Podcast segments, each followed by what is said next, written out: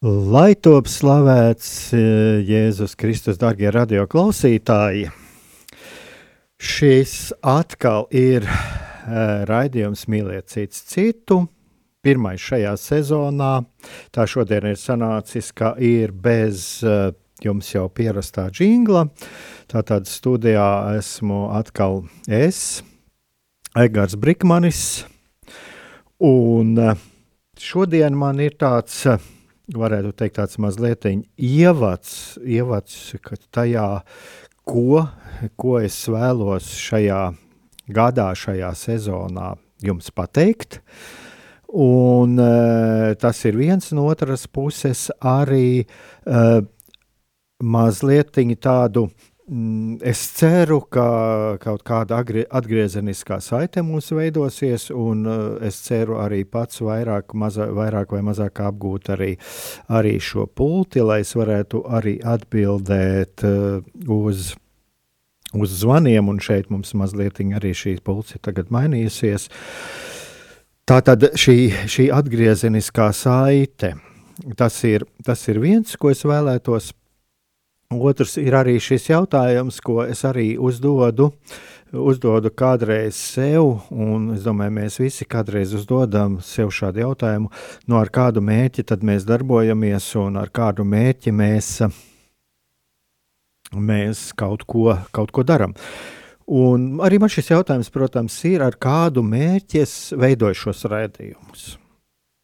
Un uh, es tādu uh, uzmetumu uztaisīju arī pirms raidījuma. Un, nu, protams, mēs zinām, ka mūsu visu galvenais mērķis ir būt ar Dievu uh, un arī palīdzēt līdz cilvēkiem viņu ceļā pie Dieva. Un patiesībā uh, es domāju pat tā, ka mūsu mērķis, tā kā mēs esam aicināti nest šo evaņģēlīju vēsti, tad mūsu mērķis ir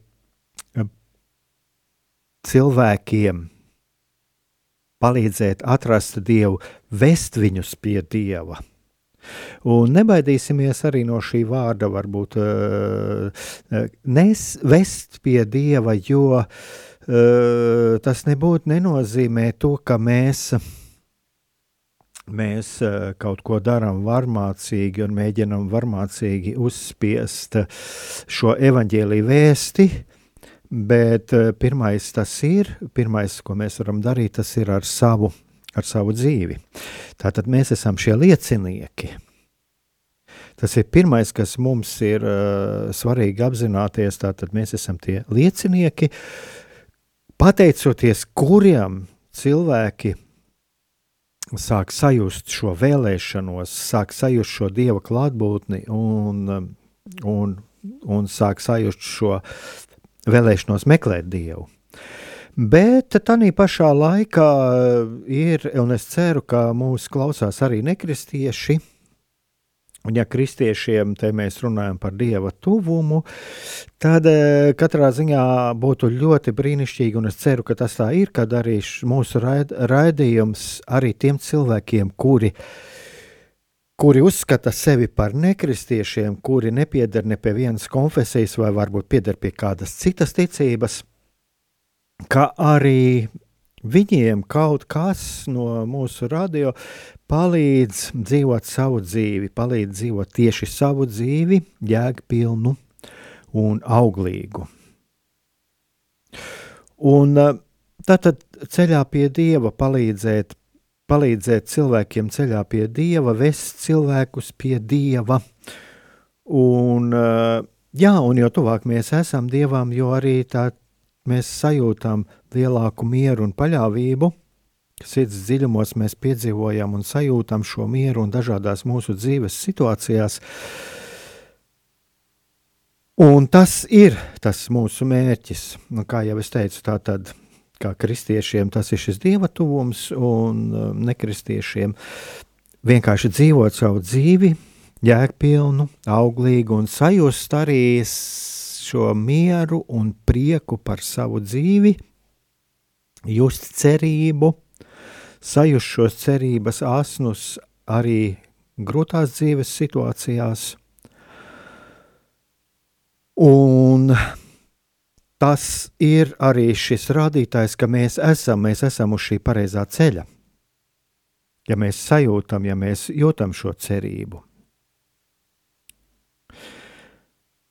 Bet es tomēr arī vēlētos pievērsties uh, tam, par ko jau ir runāts arī iepriekšējās uh, sezonās, un, uh, un tas ir par to, kas arī mūs varētu traucēt kas mūs varētu traucēt sajust šo prieku, šo dieva klātbūtnes sajūtu.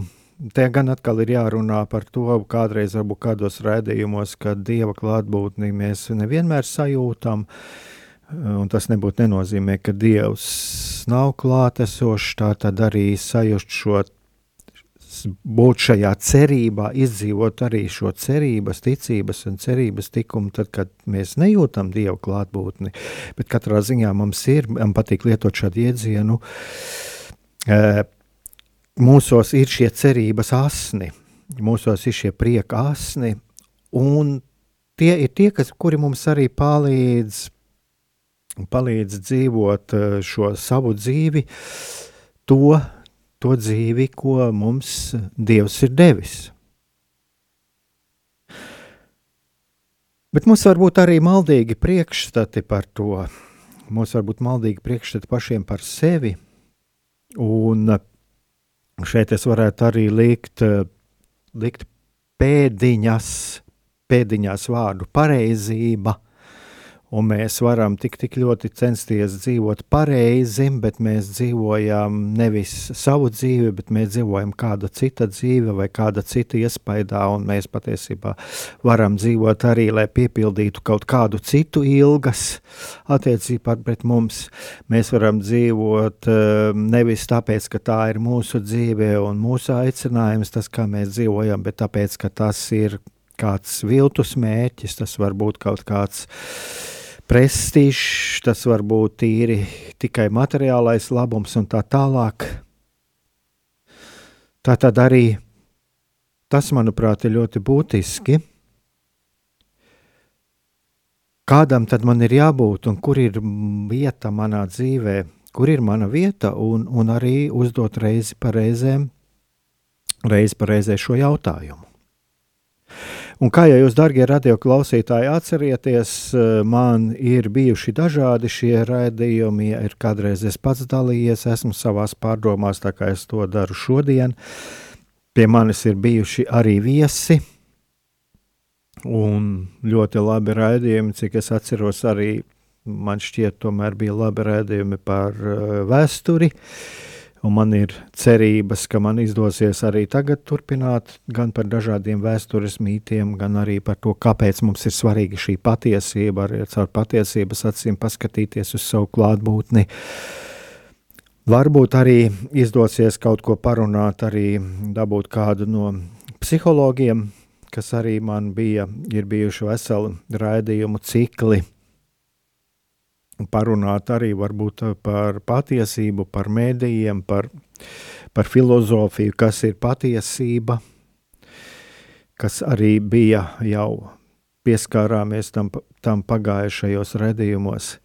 Tātad šis redzījuma lokus ir ļoti plašs, Bet ir arī jāņem vērā, man pašam jāņem vērā tā ierobežotība, jo šie cilvēki, kurus es aicinu, viņiem ir gan savas ģimenes, gan savi darba pienākumi, viņiem ir lekcijas, konferences un tā tālāk. Daudzi no viņiem ir pasniedzēji, strādā ar cilvēkiem, ar studentiem.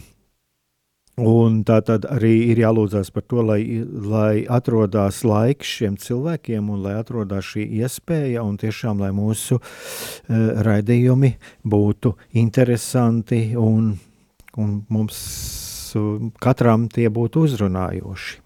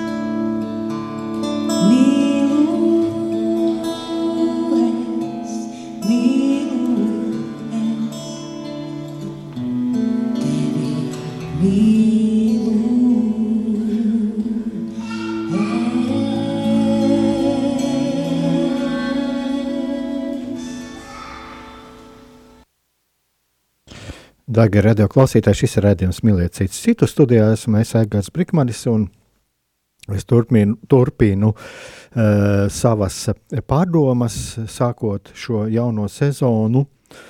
Un, uh, jā, vēl es tā arī vēlos atgādināt, ka uh, arī viens no iemesliem, kāpēc man arī šodien nav viesa, bija tas, ka es arī pārslimoju. Arī man iznāca pārslimot šo covid. Un, tā kā šīs pēdējās dienas es vispār gatavojos raidījumam, un, un tāpēc eh, nu, ir, lai tiešām vada svētais gars, un, un tie, kā jau es pirms muzikālās pauzes runāju, lai izdodas arī atrast šos cilvēkus un šos viesus, un, un ja būs Lai es te šeit pirms raidījuma teicu, tiekoties arī ar pārējiem šeit, radio brīvprātīgajiem, es teicu, patiesībā es ticu, mums ir jātic, ka raidījums izdosies labs un ka mūsu raidījums izdosies labi un ka uzrunās cilvēkus. Un, jā, un lai Dievs dod, kad izdodas, izdodas arī atrast šos cilvēkus, un lai būtu interesanti. Bet uh, es vēlos atgriezties arī pie tā, mm, par tēmām, kuras es uh, tomēr vēlos šodien pieskarties un kurām es ceru, izdosies arī nākotnē pieskarties un, un, un ceru, ka uzrunās, uzrunās klausītājus un, un uzrunās arī kaut kas liks man pašam sevī pārvērtēt, kaut ko izvērtēt, jo šādus raidījumus veidojot, neizbēgami nākās ieklausīties arī pašam sevī. Un viens no tādiem jautājumiem, kam es vēlētos pieskarties, un lai mēs visi kopā tiem pieskartos, tas ir šis uh, dzīves uzliktais eksāmens. Šie uh, un dažādie pārbaudījumi, kurus mēs dzīvē piedzīvojam, un, un kā mēs viņus izdzīvojam. Kā mēs izdzīvojam, un, un vai mēs tos vienmēr izturam, Un ko mums darīt tādā gadījumā, ja nu, kaut kas nav tā sanācis, kā, kā gluži vajadzētu? Un es domāju, ka vislabākais atkal ir šis uh, dzīves eksāmens. Ir tieši bijis šis laiks, šie pēdējie, pēdējie daži gadi, uh, arī šis uh, piedzīvotais, pavisam nesen piedzīvotais Covid laiks. Un uh,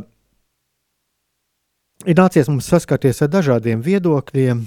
Tie, kas ir mani klausījušies, es domāju, arī atcerās manu viedokli. Eh, es esmu cilvēks, kurš uzskata, ka mediķi ir tie, kuriem ir jāuzticas, un, un, un zinātnei ir jāuzticas. Īstai zinātnē, nevis tā, kura eh, kaut kur internetā parādās, ja tur bez atsaucēm uz avotiem, bet, eh, bet īstai profesionālai zinātnē ir jāuzticas, jo nebūtu šīs zinātnes, mēs šeit nesēdētu un nebūtu arī šis, šis radio. Jā, un tā tad Tātad, eh, tātad, kas ir šis dzīves eksāmens? Kas ir šis dzīves eksāmens un, un kāpēc reizē mums ir tendence tomēr daudziem no mums, dažiem no mums ir tendence neusticēties šiem savu jomu speciālistiem un um, paķerties uz kaut kādām citām idejām. Un eh, es domāju, ka te ir arī ļoti svarīgi uzdot tādus jautājumus pašiem sev. Un viens no jautājumiem ir, vai es objektīvi cenšos izvērtēt to, kas notiek apkārt.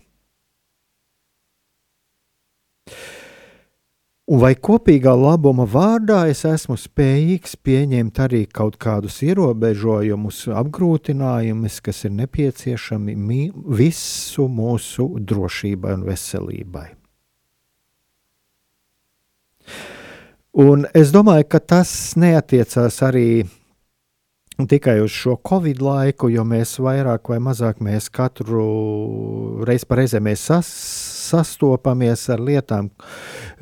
Patiesībā mēs kaut kādu savu šo ego esam, būdami sabiedrībā, mums ir nepārtraukti kaut kur ir jāierobežo un ir jāievēro, lai vienkārši, lai sabiedrība spētu pastāvēt, mums ir jāievēro arī kaut kādi noteikumi, kaut kādas normas un, un, un, un likumi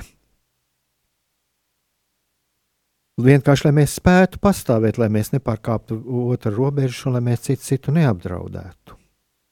Un, uh, es domāju, ka tagad arī par šo uh, valsts dienestu, ko tagad arī šeit saimā runā, un es uh, vakar parādījās arī ziņas, es domāju arī par to, droši vien būs dažādi viedokļi, un arī šeit būs dažādas manipulācijas, un, un mums jābūt ļoti piesardzīgiem, lai mēs neiekristu, lai mēs neiekristu kādās lamatās, kur patiesībā uh, mēs zaudējam savu brīvību, lai cik tas varbūt izklausītos paradoxāli, bet savas iedomātās brīvības vārdā mēs varam patiesībā šo savu brīvību zaudēt. Tā un tā tad atkal atgriežamies pie tā, tātad vai es objektīvi izvērtēju to, kas notiek, uh, un vai kopīgā labuma vārdā esmu spējīgs pieņemt ierobežojumus, kas nepieciešami mūsu, visu mūsu drošībai un veselībai. Un šeit varbūt arī runa ne tikai par uh, ierobežojumiem, bet, bet arī kādreiz par pienākumiem. Vai varbūt Varbūt es izvēlos sekot tiem, kuri sludina manām šaurajām un tādām personīgām interesēm patīkamu viedokli. Varbūt es sekoju tiem, kuri vienkārši baro manu šauro egoismu. Un es domāju, ka tas ir svarīgi mums ir reizi pa reizēm uzdot šo jautājumu. Jo, ja mēs paskatāmies arī, kad ir, ir lietas, kuras tiešām ir, kur ir pamatotas prasības, piemēram, tagad situācija ar pedagogiem ir pedagoģu prasības, skolotāju prasības ir pamatotas, un ja nav, teiksim, skolās trūkst trūks, trūks skolotāji, tad ir jāuzdod jautājumu, kāpēc viņus šeit nav. Tātad kaut kas šajā sistēmā nav kārtībā. Bet, ja mēs paskatāmies uz uh, to pašu Covid laiku vai, vai citām lietām, kas vispār kopumā skar Latvijas drošību, visas sabiedrības drošību, tad mums ir jāpadomā par to,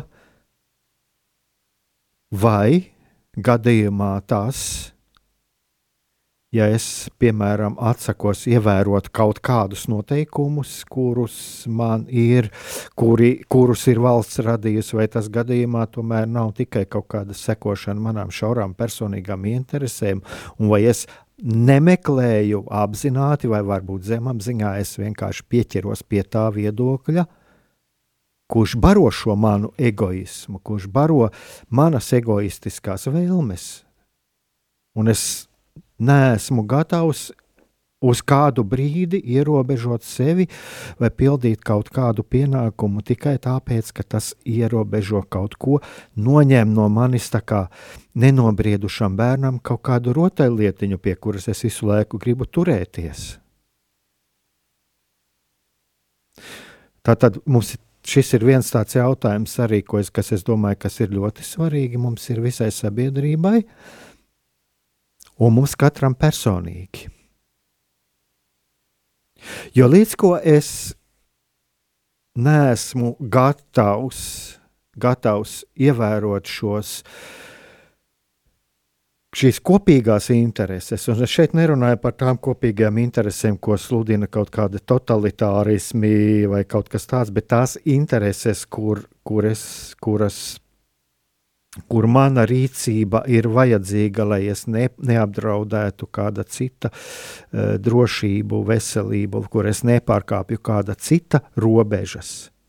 Ja es esmu gatavs sevi šajā gadījumā ierobežot šajos atsevišķos gadījumos, ja es neesmu uz to gatavs patiesībā manas brīvības vārdā, it kā balstoties uz savu brīvību, uz savām pašiedomātajām tiesībām, es šo brīvību varu zaudēt. Tas ir tāds, viens tāds eh, jautājums, uz ko būtu vērts paskatīties, un uz ko mums būtu vērts paskatīties arī nākotnē. Un nākamais, varbūt es ļaujos baiļu, stereotipu un naida propagandai.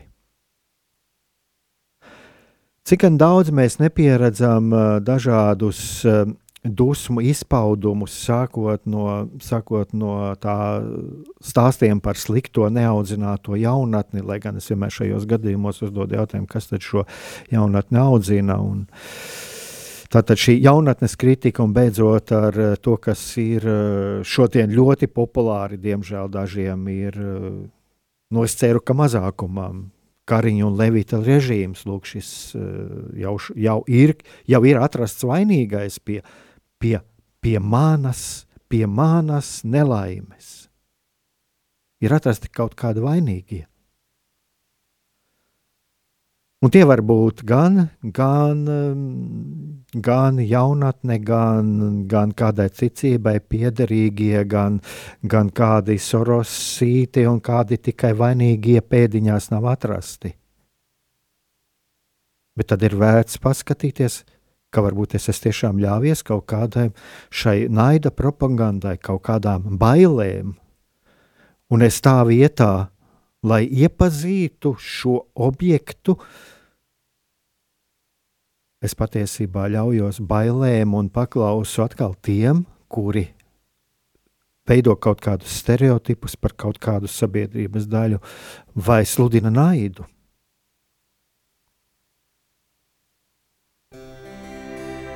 non di tenere.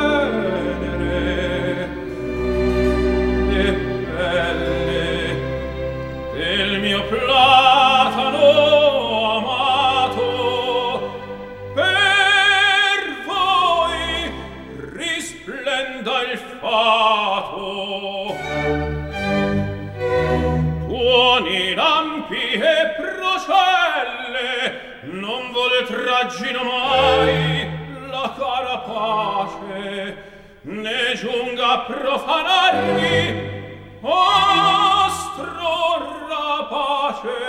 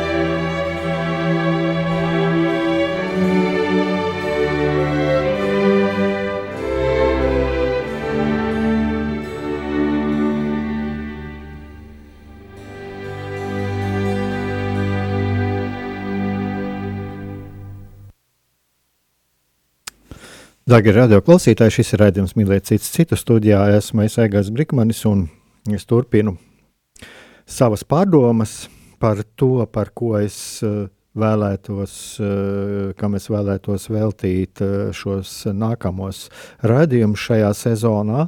Nu, tā kā mani, man nav viesis, tad es nu, runāju par to, par ko es varbūt es vairāk gatavs runāt.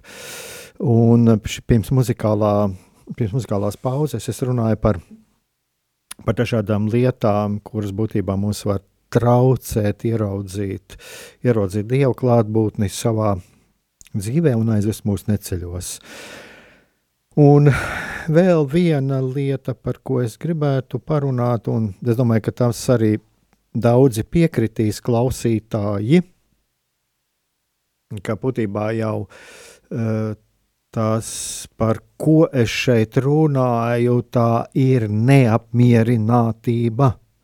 Neapmierinātība ar kaut ko savā dzīvē, neapmierinātība pašam ar sevi. Un tad radās šie dažādi ekscesi, un tad arī cilvēks var kļūt viegli, viegli var kļūt par dažādu manipulāciju upuri un, un aiziet projām no tā ceļa, no tā ceļa, kuru, kas viņam ir vislabākais, kas no tā ceļa, kas ir viņa paša autentiskā dzīve. Un tāpēc es arī šeit runāju par to, ka savā ziņā es ceru, es ceru par gan uz to, ka klausās gan kristieši, gan nekristieši, jo, ja būs kādreiz vēl arī pie šeit pie manis arī kāds psihologs, es arī par to būtu ar mieru parunāt. Bet tā tad atgriežoties pie šīs tēmas, tā tad neapmierinātība. Un eh, kur mēs varam iekrist? Mēs varam iekrist uh, tajā, ka mēs izvēlamies būt pret kaut ko, tā vietā, lai meklētu savas neapmierinātības patiesos cēloņus. Un uh, šajā gadījumā ir kāds iedomāts vai varbūt arī neiedomāts pretinieks šim pretiniekam nebūtu nav jābūt iedomātam. Bet uh, varbūt tiešām kaut kāds uh, kaut kāds ļaunums un, un ļaunums, pret ko mēs vēršamies un pret ko mēs cīnāmies, bet ir tikai bū, ļoti, ļoti būtiska atšķirība. Ja es esmu apmierināts ar savu dzīvi, ja es esmu apmierināts ar sevi, ja es dzīvoju savu autentisko dzīvi, tad arī šī vēršanās pret to ļaunumu, kas ir pasaulē, viņa nekādā gadījumā man netraucēs dzīvot šo savu dzīvi, un šajā cīņā pret šo ļaunumu es nepazaudēšu sevi. Šķiet, es arī kādā raidījumā jau iepriekšējā sezonā par šo runāju, attiecībā uz karu Ukrajinā, cik ļoti viegli mums ir pazust, pazust ja mēs nekontrolējam, ja mums ir grūti kontrolēt savas emocijas, un ja mums mūsos ir kaut, kāds, kaut kāda neapmierinātība, būtībā ar, arī ar savu dzīvi. Un, bet varbūt arī iedomāts pretinieks, un par to, kā jau es, kā jau es šeit iepriekš runāju, tas varbūt sākot ar uh, jaunatni, iedomāta, iedomāti slikta jaunatne. Tas var būt tā, kā tagad ir populāri dažiem Kariņa, Levī, eh, Kariņa Levita režīms man kaut kā tas vienmēr griežās šis teiciens ausīs, jo galu galā, nu, vai tad mēs nedzīvojam demokrātiskā valstī, kurā ir būtībā visi šī, ir šie ievēlētie cilvēki. Bet uh, katrā ziņā ir kaut kādi politiskie spēki, kas arī uz šīm lietām strādā un mēģina manipulēt. Tātad šis iedomātais pretinieks Un galu galā šis iedomātais pretinieks, ja mēs arī paskatāmies evanģēlijā, patiesībā jau arī šis iedomātais pretinieks daudziem, es domāju, Jēzus laikā bija pats Jēzus. Bija šis iedomātais pretinieks, kuru, kuru tik daudz izvēlējās sist krustā. Tā vietā, lai paskatītos pašu sevi, būt, eh, meklēt paši sevi, pamēģināt tikt pašiem galā ar saviem dēmoniem, kas mūsos dzīvo, un meklēt būtībā ceļu pašiem pie sevis, pie autentiskas savas dzīves.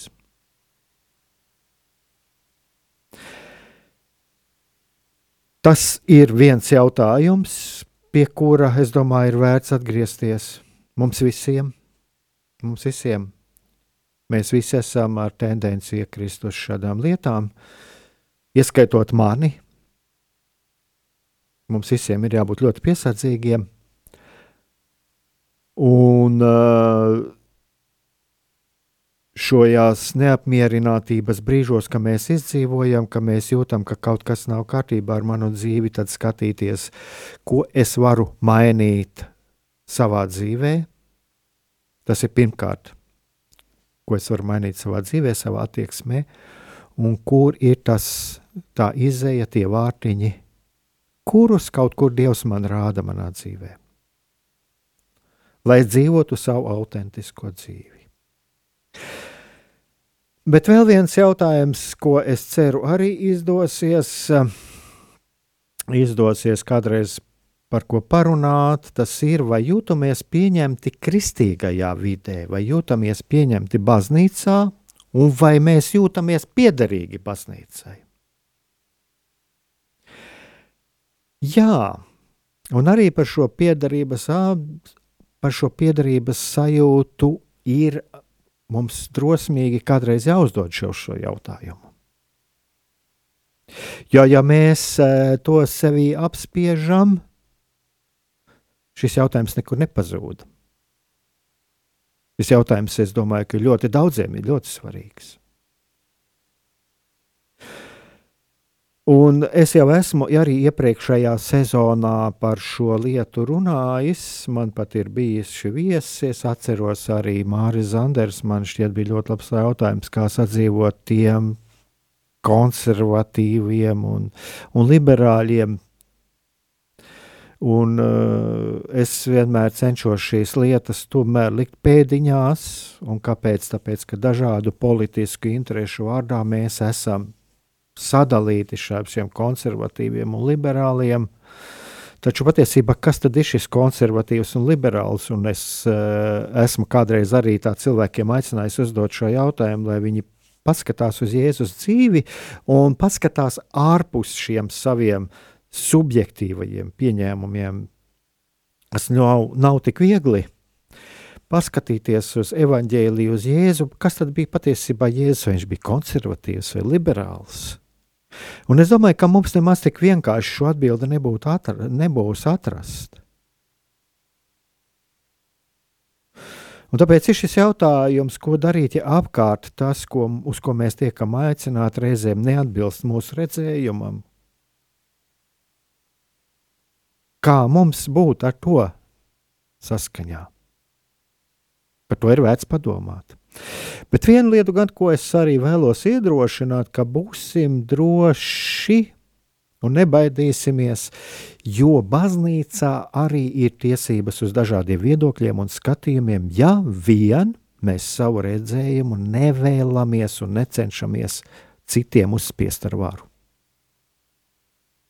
Un mēs esam jau nonākuši, es domāju, agri vai vēl jau mēs nonāksim, un es ceru, ka tas jau notiek, ka baznīcas iekšienē, kristiešu vidē arī notiks uh, dialogs un godīgs dialogs starp dažādiem viedokļiem un cieņas pilns dialogs.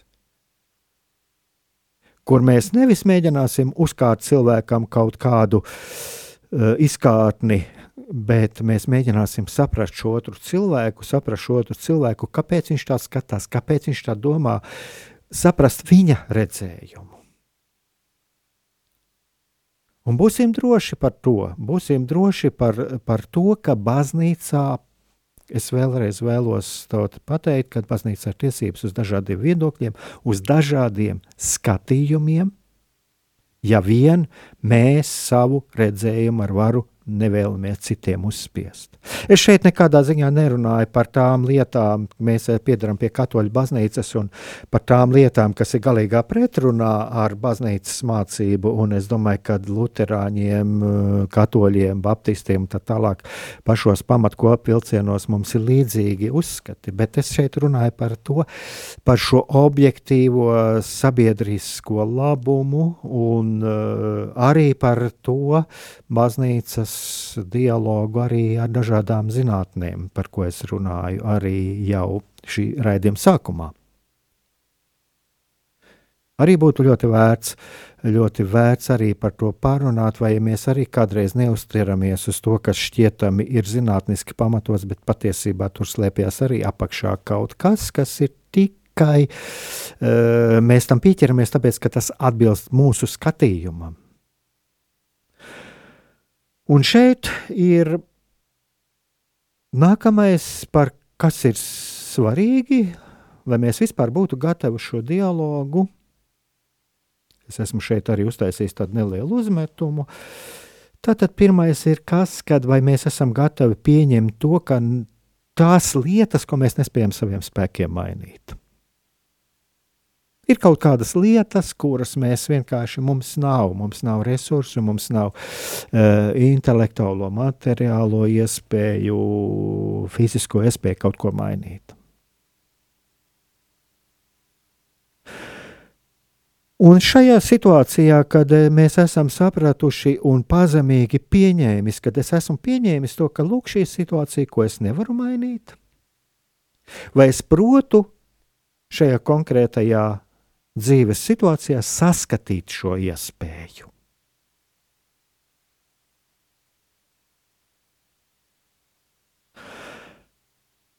Un Tad ir vēl viens jautājums, ko es esmu arī un par ko ir arī būtu ļoti interesanti parunāt. Tas gan vairāk varbūt man vajadzēja pēc tā, ko es runāju par šām dialoga iespējām kristiešu vidē, varbūt man vajadzēja sākt ar to.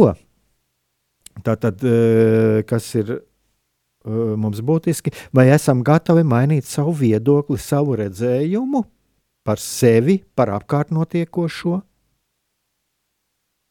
ja acīm redzami izrādās, ka šī līdzšinējais mans redzējums ir kļūdains, vai es esmu gatavs to mainīt? Tātad, lūk, es vēlos, varētu arī šādā secībā salikt, tātad, vai esam gatavi mainīt savu viedokli, savu redzējumu par sevi, apkār, par apkārt notiekošo, ja acīm redzam izrādās, ka, līdzšinējais, ka mans līdzšinējais redzējums ir kļūdains. Vai es esmu gatavs pieņemt to, ko nespēju saviem spēkiem mainīt, un vai es protu saskatīt iespējas šajā konkrētajā dzīves situācijā?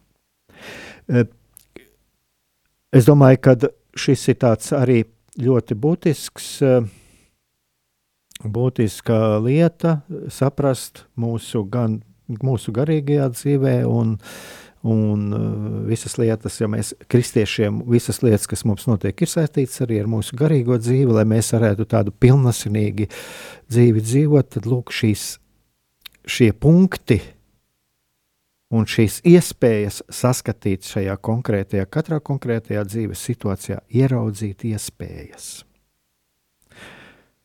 Un uh, būt gatavam pieņemt to, nespējam saviem, to, ko nespējam saviem spēkiem mainīt, eh, es domāju, ka arī ļoti būtiski saprast to, saprast kaut kādas situācijas, lai mēs neiztērētu savu enerģiju un necīnītos un neskrietu kā muša pret stiklu, bet būtu gatavi skatīt šajā situācijā kādu citu iespēju, kā no šīs situācijas iziet.